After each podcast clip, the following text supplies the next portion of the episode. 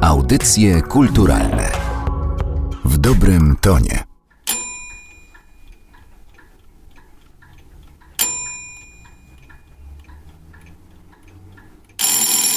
Czas na audycje kulturalne. Przed mikrofonem Magdalena Miszewska. Przed chwilą dzwonił dla nas y, budzik. Jaki budzik? E, Jest to polski budzik wyprodukowany dokładnie w Łodzi. Na licencji niemieckiej, w związku z czym można było usłyszeć takie charakterystyczne, fajne bicie na początku, które później się rozwija w jakby taki normalny budzikowy dzwonek. E, To są lata 70., z tego co pamiętam druga połowa lat 70. E, Jesteśmy w Muzeum Zegarów Polskich. Jest ze mną e, Janek Rygiel. Cześć. Cześć. Pasjonat e, zegarmistrzostwa, założyciel e, muzeum. Tak można ciebie określać? Myślę, że można. Z tym zegarmistrzostwem jest tak, że bardzo ciężko e, się go nauczyć, ale staram się to robić i też naprawiam te zegary. A powiedz, jak to w ogóle się stało, że zainteresowałeś się akurat e, zegarami? W zasadzie moja pasja chyba się zaczęła jak miałem, nie wiem, z 5 czy 4 lata, kiedy to sobie siedziałem w fotelu w mieszkaniu swoim w domu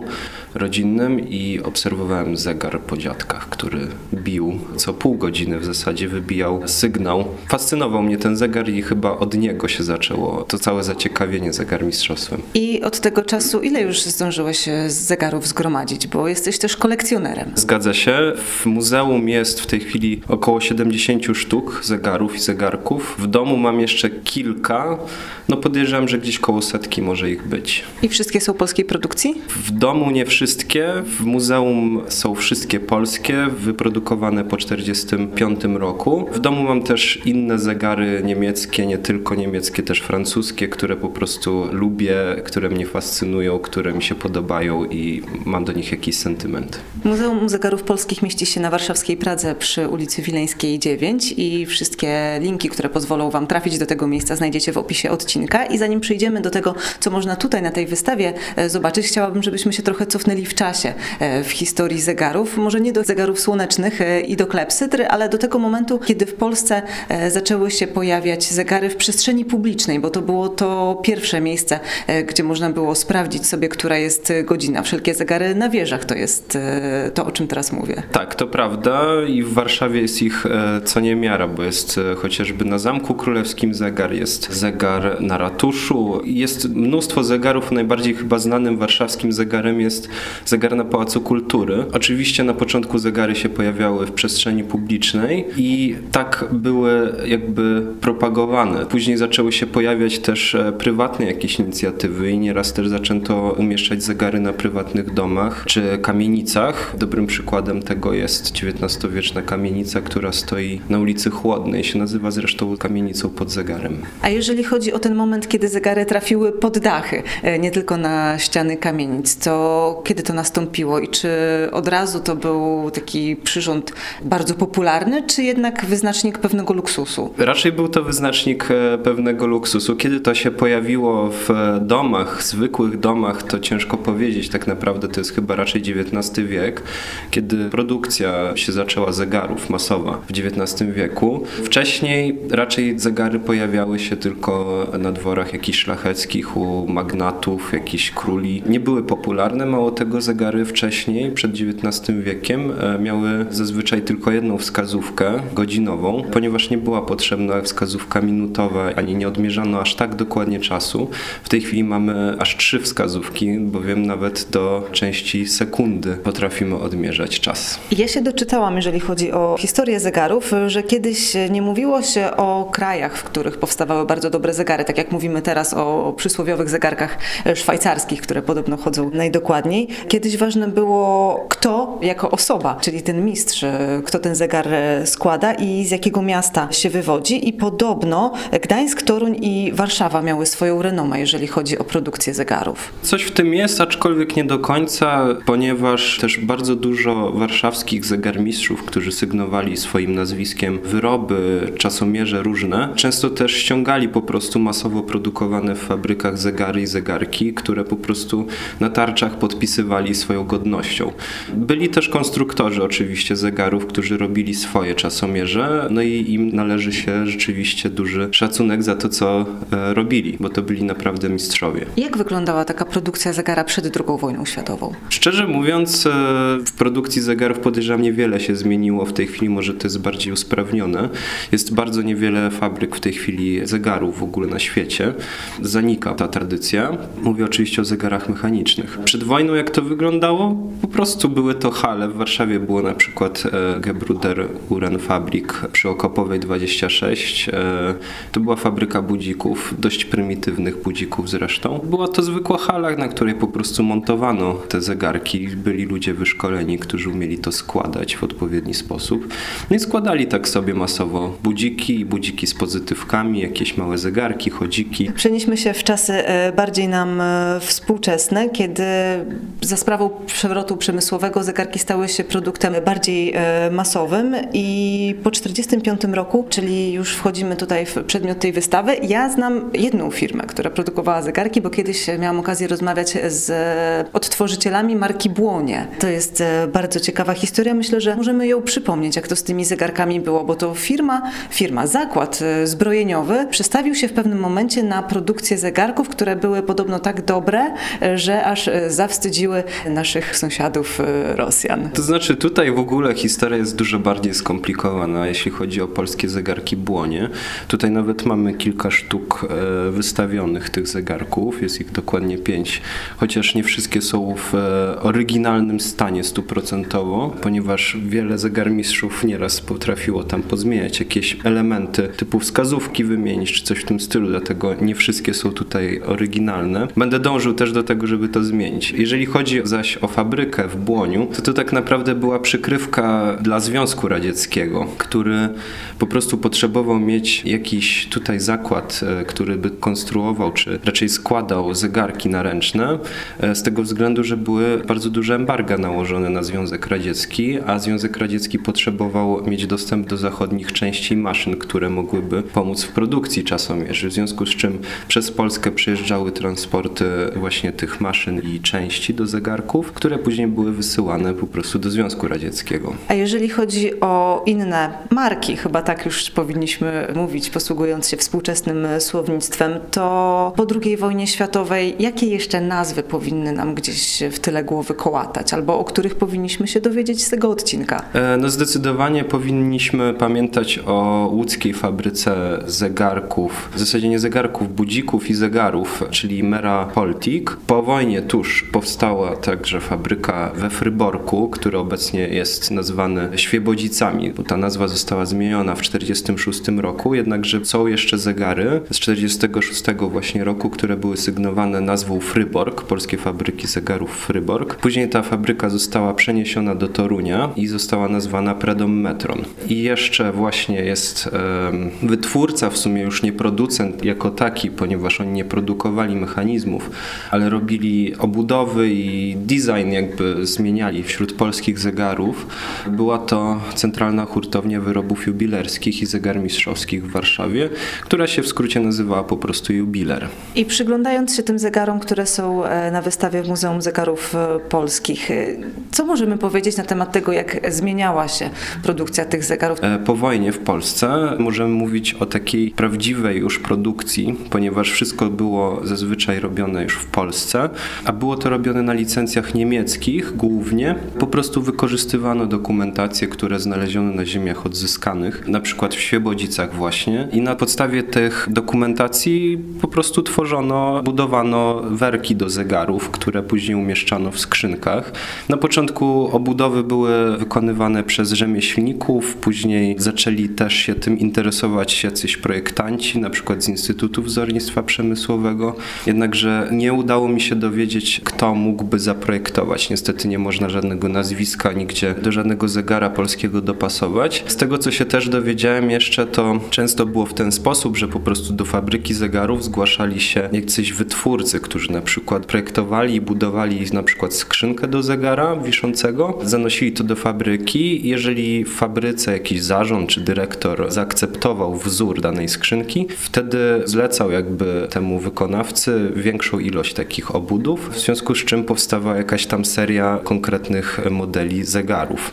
Niestety nie są znane nazwiska tych wytwórców też, więc tutaj niewiele wiadomo. Jednakże wiadomo, że to byli polscy producenci, którzy od A do Z robili te zegary i budziki. Jeśli chodzi o zegarki z ZMPM Rabłonie, no to było w ten sposób, że to były zegarki konstruowane, budowane z części radzieckich. Z fabryki Kirowa przyjechała licencja na te zegarki. Polscy konstruktorzy chcieli stworzyć swoje zegarki też naręczne, jednakże zabroniono, no władza po prostu zabroniła ze względu względu na jakieś tam konotacje Polski Ludowej ze Związkiem Radzieckim. A jeżeli chodzi o wygląd e, zegarków, czy wchodząc tutaj możemy gdzieś znaleźć e, zegarek, o którym da się powiedzieć, że jest typowo polski, czy jest w ogóle możliwe stwierdzenie na podstawie wyglądu, z jakiego kraju ten zegar pochodził, czy były jakieś takie cechy, które były tylko i wyłącznie kojarzone z naszym krajem? E, ja myślę, że polskie wzornictwo ogólnie, nie tylko wśród czasomierzy, jest bardzo typowe dla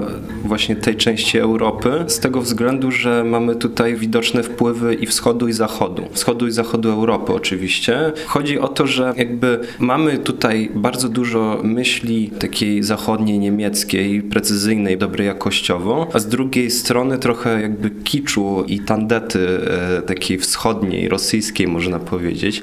Znaczy nie twierdzę, że Rosjanie robili tandetne rzeczy, bo robili na przykład świetne zegary i zegarki też, tylko mówię jakby tym wpływie wizualnym, że jakby użycie plastiku na przykład w taki niekoniecznie estetyczny sposób nieraz. To jest takie typowo rosyjskie dla mnie. Jeśli chodzi o bardzo przemyślane, proste formy z plastiku i w bardzo fajnych, wyrazistych kolorach, to już dla mnie jest wpływ niemiecki z kolei. A to mój faworyt właśnie tutaj stoi, czyli pomarańczowa kula. Tak, i podejrzewam, że jest faworytem bardzo wielu osób w tej chwili, bo są bardzo poszukiwane te zegary. A jak to wyglądało na przestrzeni lat? Czy da się powiedzieć, że w tej i w tej dekadzie korzystało się częściej z tego typu materiałów? Same mechanizmy są zazwyczaj skonstruowane z e, części mosiężnych i stalowych, aczkolwiek jeden zegar jest bardzo nietypowy. Tutaj na tej wystawie jest to najstarszy zegar, który jest na tej wystawie. Zegar z 1946 roku, którego mechanizm został wyprodukowany w dużej części z aluminium. Dlaczego z aluminium? Ponieważ w 1946, kiedy w Świebodzicach, a w ówczesnym Fryborku właśnie zaczęto produkcję zegarów, e, wykorzystywano po prostu pozostawione aluminium po produkcji części do samolotów.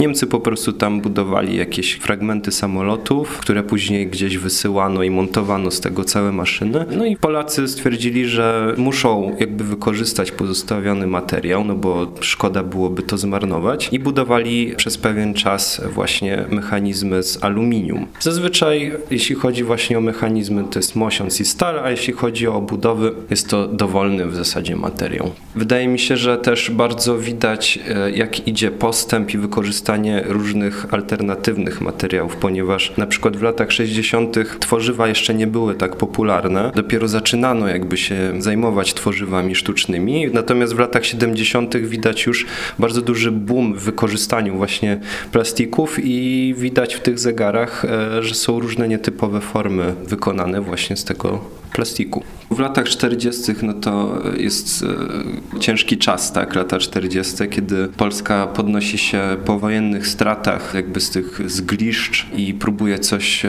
jakby działać, próbuje produkcję jakąś uruchomić, usprawnić działanie państwa. Stąd właśnie powstają fabryki we Fryborku, tudzież Świebodzicach, które produkują na początku głównie dla e, kolei polskiej. Są to zegary, które były wykorzystywane przez dróżników, przez e, urzędy też różne i są to bardzo proste zegary, które charakteryzują się też dość dokładnym chodem. Później pojawiają się zegary bardziej już zwrócone i kierowane dla zwykłych obywateli, którzy mogliby powiesić u siebie w domu zegar. I to są lata 50. Zegary zaczynają przybierać troszkę bardziej ciekawsze formy, aczkolwiek wciąż są dość proste.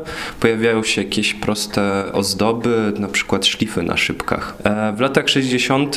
zaczyna działać też właśnie jubiler, który zaczyna tworzyć bardziej awangardowe, jakby bardziej nietypowe zegary, które są, mam wrażenie, inspirowane e, zegarami szczególnie niemieckimi z lat 30. na przykład, czyli takie art deco bardziej, czy modernizm. No i takie zegary też zaczynają w latach 60. zalewać rynek, zaczynają się pojawiać jakieś kolory we wzornictwie, są mniej banalne jakby te zegary. W latach 70. właśnie zaczynają być wykorzystywane tworzywa. Zmieniane są formy skrzynek, zmieniane są czasami mechanizmy, zakupowane są różne licencje na produkcję innych typów mechanizmów na przykład. No i ta produkcja wydaje mi się najbogatsza w latach 70. Lata 80. z kolei to są już lata takie powiedziałbym kryzysowe, bo to już jest e, dekada, w której chociażby stan wojenny wprowadzono, kiedy ograniczono produkcję, kiedy reglamentowano wiele produktów. Nie było wszystko tak e, dostępne i lata 80. oznaczają się troszkę większą jakby skromnością, aczkolwiek wciąż kontynuuje się w latach 80. te podwaliny, które były rozpoczęte w latach 70., czyli wciąż jest kolor i tworzywo,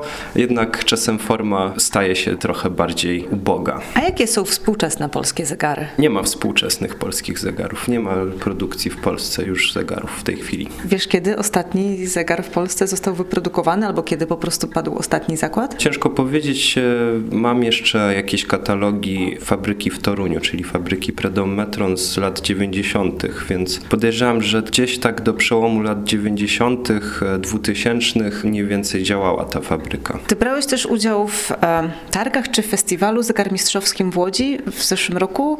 Powiedz, czy jest jakaś szansa na to, żeby to polskie zegarmistrzostwo się odrodziło? Czy jest zainteresowanie też e, tych, którzy ewentualnie mogliby się zająć produkcją zegarów? Powiem tak, produkcja zegarów nie jest wcale tak prostym tematem, ponieważ jest to mechanika precyzyjna. To jest coś, do czego trzeba mieć potężną wiedzę naprawdę politechniczną. Aczkolwiek są w Polsce firmy, jakieś e, prywatne w zasadzie inicjatywy, które właśnie wskrzeszają albo po prostu chcą robić coś polskiego. Jest na przykład oprócz Błonia firma Balticus, która robi zegarki naręczne. Może nie w 100% one są polskie, ponieważ nie ma w Polsce fabryki mechanizmów ani do zegarków, ani do zegarów, no ale są e, sygnowane Made in Poland, ponieważ są składane tu w Polsce. Część części jest też produkowana w Polsce, więc jakby myślę, że w tej chwili to będzie działało na trochę właśnie innych zasadach. Wątpię, żeby były reaktywowane fabryki zegarów, ponieważ jest to karkołomne zadanie. Ja zastanawiam się też nad tym, na ile jeszcze potrzebne nam są zegary i próbuję sobie przypomnieć, kiedy ostatnio byłam u kogoś znajomego w domu i widziałam, żeby e, miał jakiś zegar na ścianie, nawet zegarki naręczne już wydaje mi się nosi się coraz rzadziej, przecież możemy sprawdzić czas w każdej chwili zerkając w telefon. Teoretycznie tak. E, jeśli chodzi o zegary naścienne, czy takie po prostu zwykłe, tradycyjne zegary mechaniczne, to rzeczywiście są wypierane z polskich e, i nie tylko polskich domów, ponieważ są mniej praktyczne. Lepiej sobie powiesić na ścianie zegar na baterię, w którym trzeba będzie tą baterię wymienić raz na tam powiedzmy dwa lata. Zegar mechaniczny trzeba nakręcać co tydzień, trzeba o tym pamiętać. Poza tym taki zegar wydaje różne dziwne odgłosy z siebie, co może przeszkadzać w śnie. Jeśli chodzi o zegarki naręczne, to wydaje mi się, że właśnie trend się odwraca i coraz więcej ludzi zwraca się ku zegarkom mechanicznym, zarówno automatycznym, jak i z manualnym naciągiem. Myślę, że to jest kwestia tego, że to jest jakiś też sentyment po pierwsze, ponieważ wiele osób e, pamięta swoich ojców, dziadków, babcie, jak nosili właśnie mechaniczne zegarki. Po drugie, wzornictwo zegarków mechanicznych też jest bardzo ciekawe. A po trzecie, jest taka jedna kwestia, że jeżeli weźmiemy zegarek na baterię i go wyjmiemy za 30 lat, no to nie będzie działał, bateria się wyczerpie. Za to zegarek mechaniczny, jak wyjmiemy za 30 lat e, z szuflady, nakręcimy go, no to możemy go sobie założyć na rękę i odmierzać czas. Tak, i możemy postawić go w Muzeum Zegarów Polskich i z każdej strony będą nas odgłosy zegarów e, dobiegały. Dziękuję bardzo. Dzięki wielkie. Na koniec jeszcze jeden zegar usłyszymy, ten tutaj. To jest zegar e, toruński właśnie z fabryki Predom Metron z 72 roku, z tego co pamiętam.